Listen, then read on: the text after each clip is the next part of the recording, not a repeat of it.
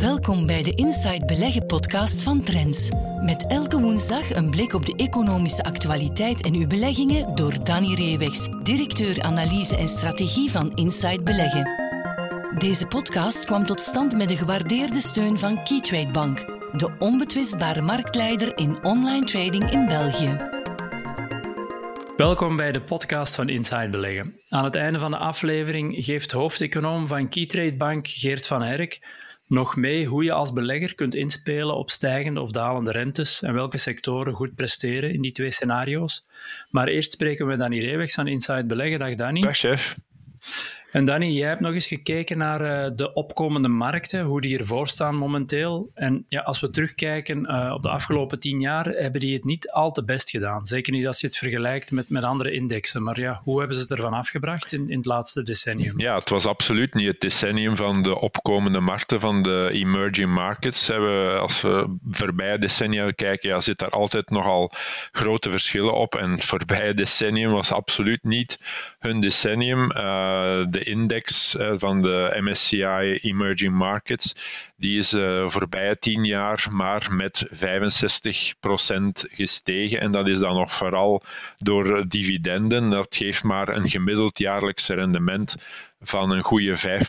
Hè, in een omgeving van zeer lage rente is dat toch wel teleurstellend. Zeker ook als we gaan vergelijken met de MSCI World Index, hè, de, de referentieindex voor de internationale aandelenmarkten. Daar zien we dan een rendement van, van bijna 13%.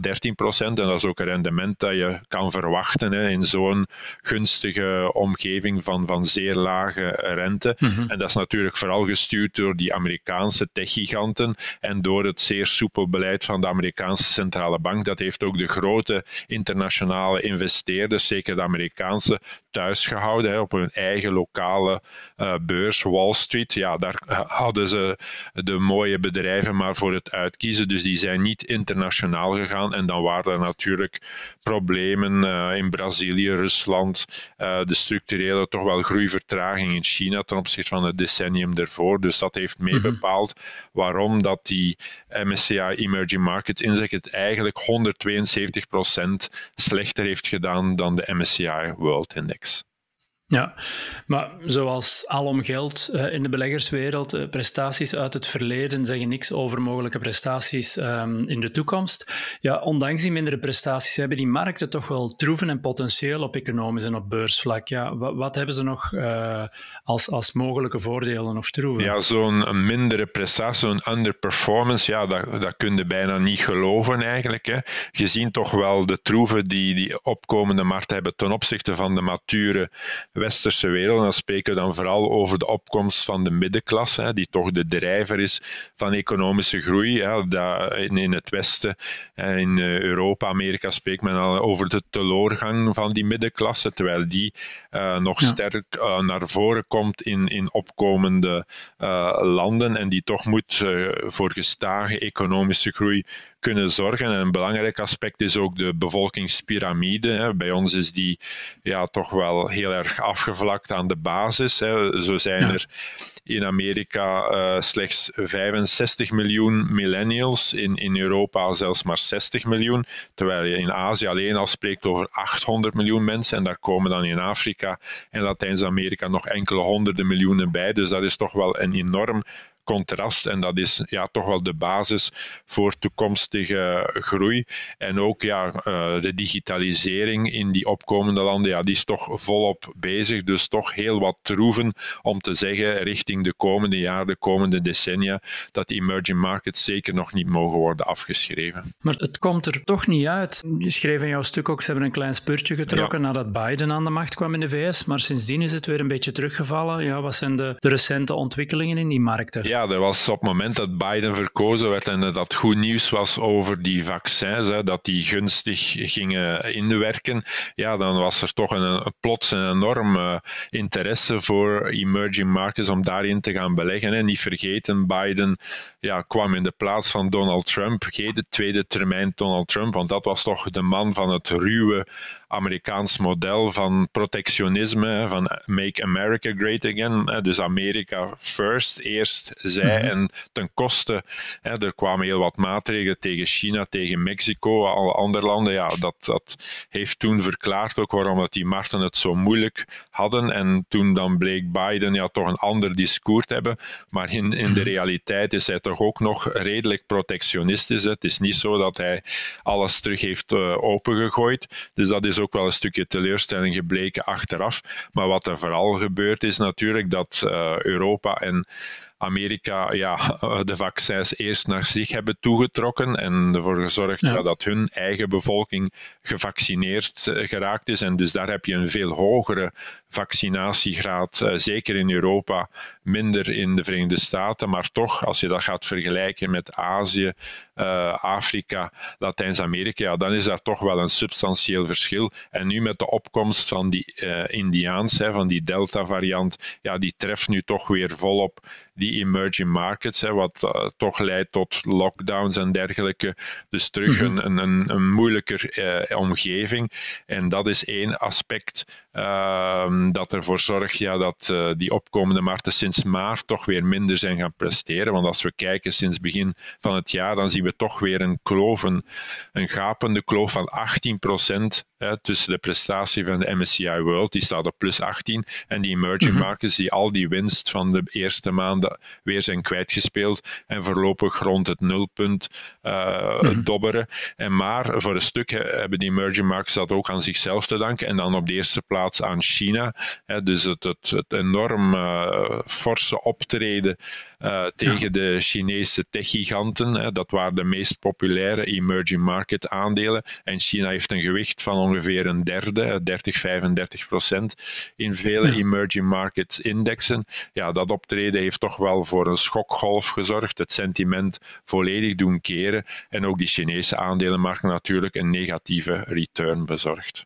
En wat heeft dat dan betekend voor de waarderingen van die markten en, en voor beleggers die er toch een stukje blootstelling aan willen, welke rol kunnen emerging markets uh, spelen in een, in een uh, ja, goed gediversifieerde portefeuille en, voor welk type beleggers zijn ze geschikt? Ja, ik denk vooral toch voor lange termijn uh, investeerders, hè, want ja, op korte termijn is er nog altijd onzekerheid. Hè. Die Delta-variant is er, maar bon, de vaccinatie loopt trager, maar gaat er wel komen in, in de opkomende uh, landen ook. En die onzekerheid uit zich in toch wel een zeer lage waardering op dit moment van de opkomende markten. Zeker als we vergelijken met westerse aandelen. De MSCI World Index, om één voorbeeld te geven, de verwachte koerswinstverhouding ligt daar rond 20.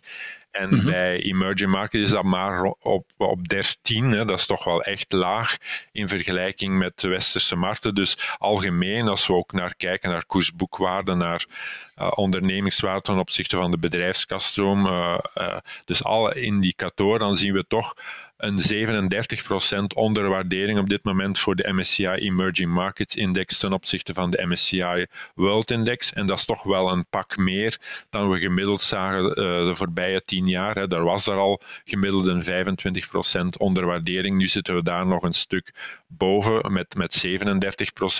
Dus ik denk, ja, dit is wel mogelijk een instapmoment. Niet misschien voor de eerstvolgende maanden, maar als we kijken naar de komende jaren, gezien die troeven op lange termijn uh, van -hmm. de opkomende markten ten opzichte van de westerse wereld, moet daar toch wel op termijn mogelijk zijn om een prestatie te leveren in uw portefeuille met die emerging markets die minstens het niveau haalt van de westerse markten. Ja, zeker niet af te schrijven dus. Nee, absoluut niet. Als aandeel van de week heb je lingerieproducent Van de Velde erbij genomen. Uh, die kwam zoals zoveel deze periode met halfjaarresultaten. Nu, het is actief in een winkelsector die toch wel hard getroffen is door corona. Maar wist het die corona-miserie een beetje van zich af te schudden in de eerste helft van dit jaar? Ja, en het oordeel aan de koersreactie toch wel meer dan de markt had, had ingeschat. Hè. We zien toch een omzet, uh, een vergelijkbare omzet die met 16,5% is toegenomen in de eerste jaar of ten opzichte van het eerste semester van vorig jaar. We zullen zeggen, ja, maar ja, vorig jaar was het coronajaar. Hè, vooral dat tweede kwartaal is ons bijgebleven ja. dat alle winkels zelfs een tijd helemaal dicht moeten. Maar dat was een, ja, een, een, een jaar met twee, twee gezichten, een jaarhelft met twee gezichten. Want de eerste maanden, mogen we niet vergeten, was het nog helemaal normaal. Het is pas midden hmm. maart hè, dat die drastische omslag is gebeurd.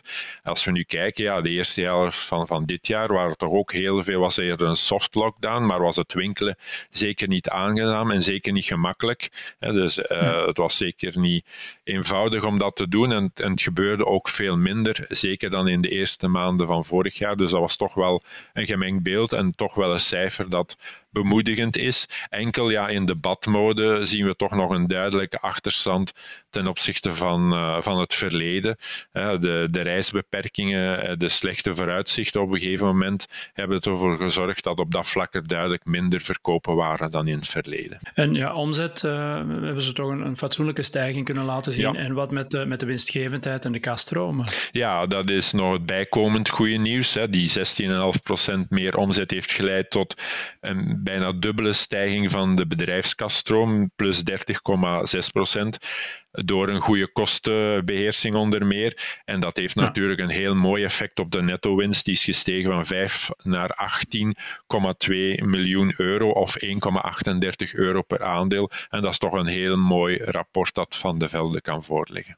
En nu even meer uitzoomend op, op, het bedrijfsmodel van Van de Velde aan zich. Het steunt toch nog vooral op een netwerk van fysieke winkels, als ik goed begrepen heb. En het is ook internationaal uh, daarin actief. Maar hoe belangrijk is dat netwerk van die winkels gebleken voor hen? Ja, dat blijft toch wel basis. Hè. En, en het is een, ook een hybride model. In die zin, ja, ze hebben eigen winkels, maar ze ondersteunen natuurlijk ook hun retailpartners en hun specifieke lingerie uh, winkelspartners. En en ze zijn daar toch wel goed mee omgegaan in, in volle COVID-19-pandemie. In die, in die zin ja, dat toen die winkels onder meer gesloten waren of, of moeilijk konden verkopen, ja, dan hebben ze uh, zich soepel opgesteld in, op vlak van uh, leveringen en vooral ook op vlak van facturatie. Als die winkels. Mm -hmm. Uh, niet konden verkopen, ja, dan hebben ze toch wel uitstel verleend om die factuur te betalen. En dat heeft dan toch ook wel de nodige goodwill opgeleverd. En we zien ook ja, in beide gevallen dat er toch wel een, een vergelijkbare omzetgroei was. Uh, naar de toekomst toe kijkt uh, uh, Van de Velde toch naar de Duitse markt, een heel grote markt, waar ze hun marktpositie toch gaan trachten te versterken. Amerika mm-hmm. ja, is nooit een succesverhaal tot nu toe geweest binnen eh, Van de Velde. Daar hebben ze opmerkelijk nu drie winkels overgehouden, omdat ze daar wel zagen ja, dat ze rendabel kunnen zijn. En ehm, die hebben dan toch wel een positieve bijdrage geleverd tot het resultaat. Zijn e-commerce en digitalisering deel van de strategie of hoe gaat het bedrijf daarmee om? Ja, dat is een heel moeilijk en heikel punt geweest. Hè. Het is een van de redenen waarom dat Van de Velde het op beursvlak niet geweldig goed heeft gedaan. De voorbije jaren zijn daar een beetje achterop ge geweest in die eh, digitaliseren. Men dacht, ja, lingerie, ja, dat is toch zo'n specifiek product dat enkel in de winkel kan uh, gekocht worden. Ja, dat bleek toch niet volledig zo te, te zijn en is men mm-hmm. met vertraging met een digitale strategie gekomen. Um, men heeft die nu verder uitgerold en men denkt daar nu toch wel ja, een steunpilaar te hebben voor de verkoop in, in de winkel. En men is daar nu toch stilaan tevreden over, maar men heeft daar inderdaad toch wel een serieuze achterstand moeten inhalen. Ja, en dan financieel um, staat het er ook heel sterk voor, als ik goed begrepen heb, balansmatig. Ja, voor een potentiële aandelenbelegger is dat inderdaad wel een heel sterk punt van, van de velden. Ondanks die moeilijke jaren en ondanks de, de coronacrisis uh, hebben ze nog altijd een, een heel mooie kaspositie op dit moment van 53 miljoen euro. Ze hebben ook het dividend, ondanks uh, dat slecht 2020, blijven betalen. Dat gaat om 1 euro bruto per aandeel. Ja, dat geeft op de huidige koers toch al een heel fraai uh, dividendrendement. Ze hebben ook uh, op een gegeven moment een inkoopprogramma gehad van eigen aandeel. Dat gaan ze voorlopig niet verlengen. Maar gezien die kaspositie, gezien verbetering van het resultaat en de komende jaren moet dat toch nog verder kunnen verbeteren. Ja, is toch mogelijk dat zelfs die 1 euro uh, gaat verhoogd worden. Dus dat het dividendrendement toch wel een, een ondersteunend element is voor de beurskoers. Ja. ja, en tot slot qua waardering en koersvooruitzichten, ja, hoe kijk jij ernaar momenteel? Ja, ik denk uh, Van de Velde is lang heel sterk achtergebleven op uh, algemene evolutie van de Bel 20 en andere indexen in, in Brussel. We zagen nu een heel mooie uh, positieve koersreactie op die halfjaarresultaten. En ik denk dat nog verder herstelpotentieel moet uh, mogelijk zijn, hè, gezien de verbetering van de resultaten.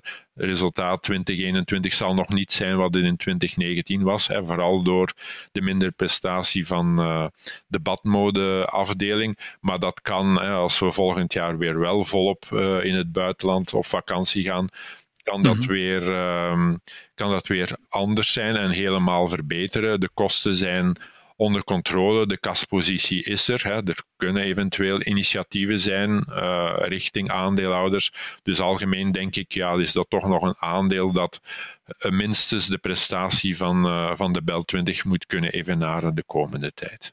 Ja, nog wel wat troeven achter de hand dus. Ja. Ja, jij bent heel hard bedankt voor jouw tijd en inzichten deze week en graag tot volgende week. Tot volgende week. Dag. We luisteren nu naar Geert van Herk, Chief Economist van Keytrade Bank, met zijn analyse op een aspect van de economische actualiteit. Hallo iedereen en welkom bij onze wekelijkse podcastbijdrage. Vandaag staan we even stil bij de verwachte stijging van de lange termijnrente. We weten het, het is al heel vaak aangekondigd. Heel wat economen, vermogensbeheerders ja, gaan er toch naar vanuit dat we in de toekomst ons best mogen verwachten aan hogere lange termijnrentevoeten. Nu, we weten ook dat voorspellen ja, bijzonder moeilijk is, maar ik denk dat we er redelijkerwijze toch wel mogen van uitgaan dat over een periode van drie tot vijf jaar ja, de rente toch wel wat hoger zal staan dan vandaag. We mogen niet vergeten dat we sinds de jaren 80 in een dalende trend zitten van de lange termijnrente. Ja, daar zal ook wel eens één keer een einde aankomen. Dus in deze podcast gaan we even stilstaan. Wat, wat betekent dat eigenlijk, mocht de lange termijnrente verder stijgen? Wat is de impact op je portefeuille?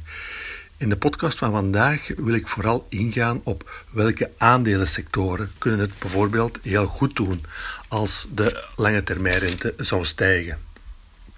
En overeenkomstig, ja, welke sectoren onderweeg je best in je portefeuille als over de komende jaren de rente zou gaan stijgen. Nu, een belangrijke winnaar van de rentestijging is zeker de financiële sector. De banken en de verzekeraars, ja, die hebben er natuurlijk alle baat bij dat de lange termijnrente verder zou stijgen. Zeker de banken.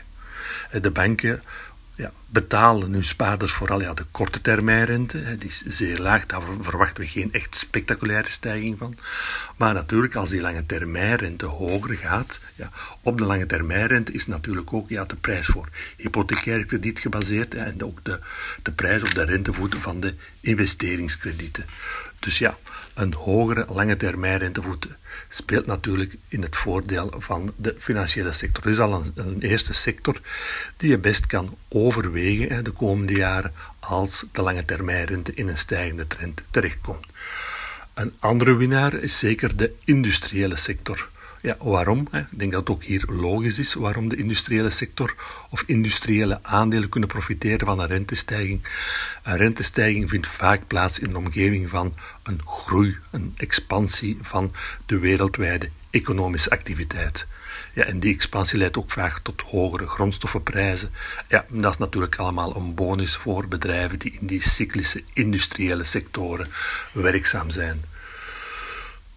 Een andere sector die je best kan overwegen ja, bij een verwachte rentestijging is ook ja, de energiesector, ja, de, de petroleumbedrijven. Ja, natuurlijk ook het duurzame aspect dat daar meer speelt. En ze zijn volop bezig ook die transitie te maken naar meer duurzame ja, energieopwekking. Maar anderzijds natuurlijk ja, ook profiteren zij nog altijd van hogere olieprijzen, hogere olieprijzen die ook vaak het gevolg zijn van een groei van de wereldeconomie. En een groeiende wereldeconomie, hebben we net ook al gezegd, leidt tot wat hogere lange termijn rente. Dus winnende sectoren de komende jaren, of de verwachte winnende sectoren de komende jaren, zijn natuurlijk ja, de banken, industriële aandelen en uh, olieaandelen.